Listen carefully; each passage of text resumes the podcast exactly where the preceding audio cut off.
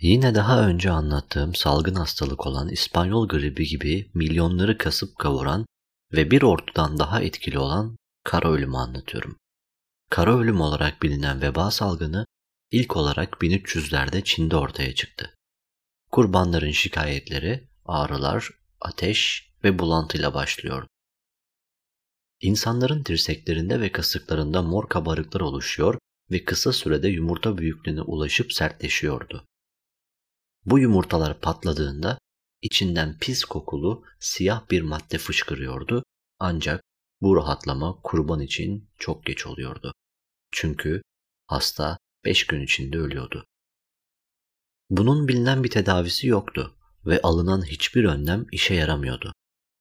80 yıl içinde hastalık Çin nüfusunu üçte bir oranında azaltmıştı. İyi işleyen ticaret yolları aracılığıyla da salgın batıya doğru Hindistan ve Orta Doğu'ya ilerliyor, her gün binlerce insanın ölümüne neden oluyordu. Hastalığa neyin sebep olduğu ise asla bulunamıyordu. 1347'de Bozkır savaşçıları bir Ceneviz şehrini kuşatıp mancılıkla hastalıktan ölmüş cesetleri şehre fırlattılar.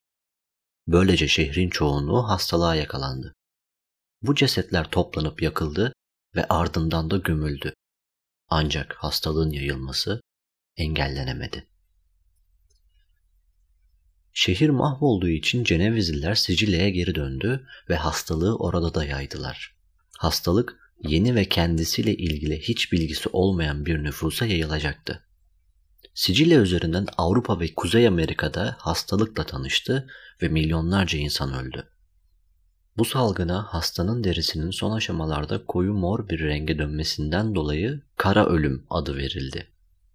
Derinin bu renge dönüşmesi soluma sorunları yüzünden kandaki oksijenin azalmasından kaynaklanıyordu. Hastalık bir kere bedene girdikten sonra hiçbir tıp tekniği hastalığı tedavi edemiyordu. Kara ölüm şehirlerin tümünü darmadağın ederken Avrupa uygarlığının da paniğe kapılmasına yol açtı. Doktorlar salgını durdurmanın yollarını aradılar. Hastalar evlerinde karantina altına alındılar ancak hastalık yine de bir orman yangını hızıyla yayıldı. Birçok insan kara ölümün Tanrı'nın onlara günahkar yaşamları yüzünden gönderdiği bir ceza olduğuna inandı. Tanrı'nın öfkesini yatıştırmak için insanlar günah keçileri aramaya koyuldu. Bazı dindarlar Tanrı'nın öfkesini kendi üzerlerine çekip insanları kurtarmak için kendilerini kırbaçladı. Özellikle Brüksel ve Strasbourg'da bazıları olanları Musevilerin varlığına bağladı. Bu panik döneminde binlerce insan öldü. Salgının cadılar yüzünden ortaya çıktığı da söylendi. Zararsız erkek ve kadınlar evlerinden alınıp hastalığın yayılmasını önleme amacıyla yakıldı. Kedilerin ise parlayan gözleri ve geceleri dışarıda çok dolaşmaları yüzünden bu cadıların büyülü hayvanları olduğu düşünülüyordu. Bu sebepten dolayı binlerce kedi katledildi. Aslında Avrupalılar kedileri öldürerek salgına karşı en birinci savunma hatlarını kaybetmiş oluyorlardı. Çünkü veba salgını öteki adıyla Yersinia pessus yaygın bir fare biti tarafından taşınıyordu. Orta çağda her yer fare doluydu. Kanalizasyonlar ilkeldi.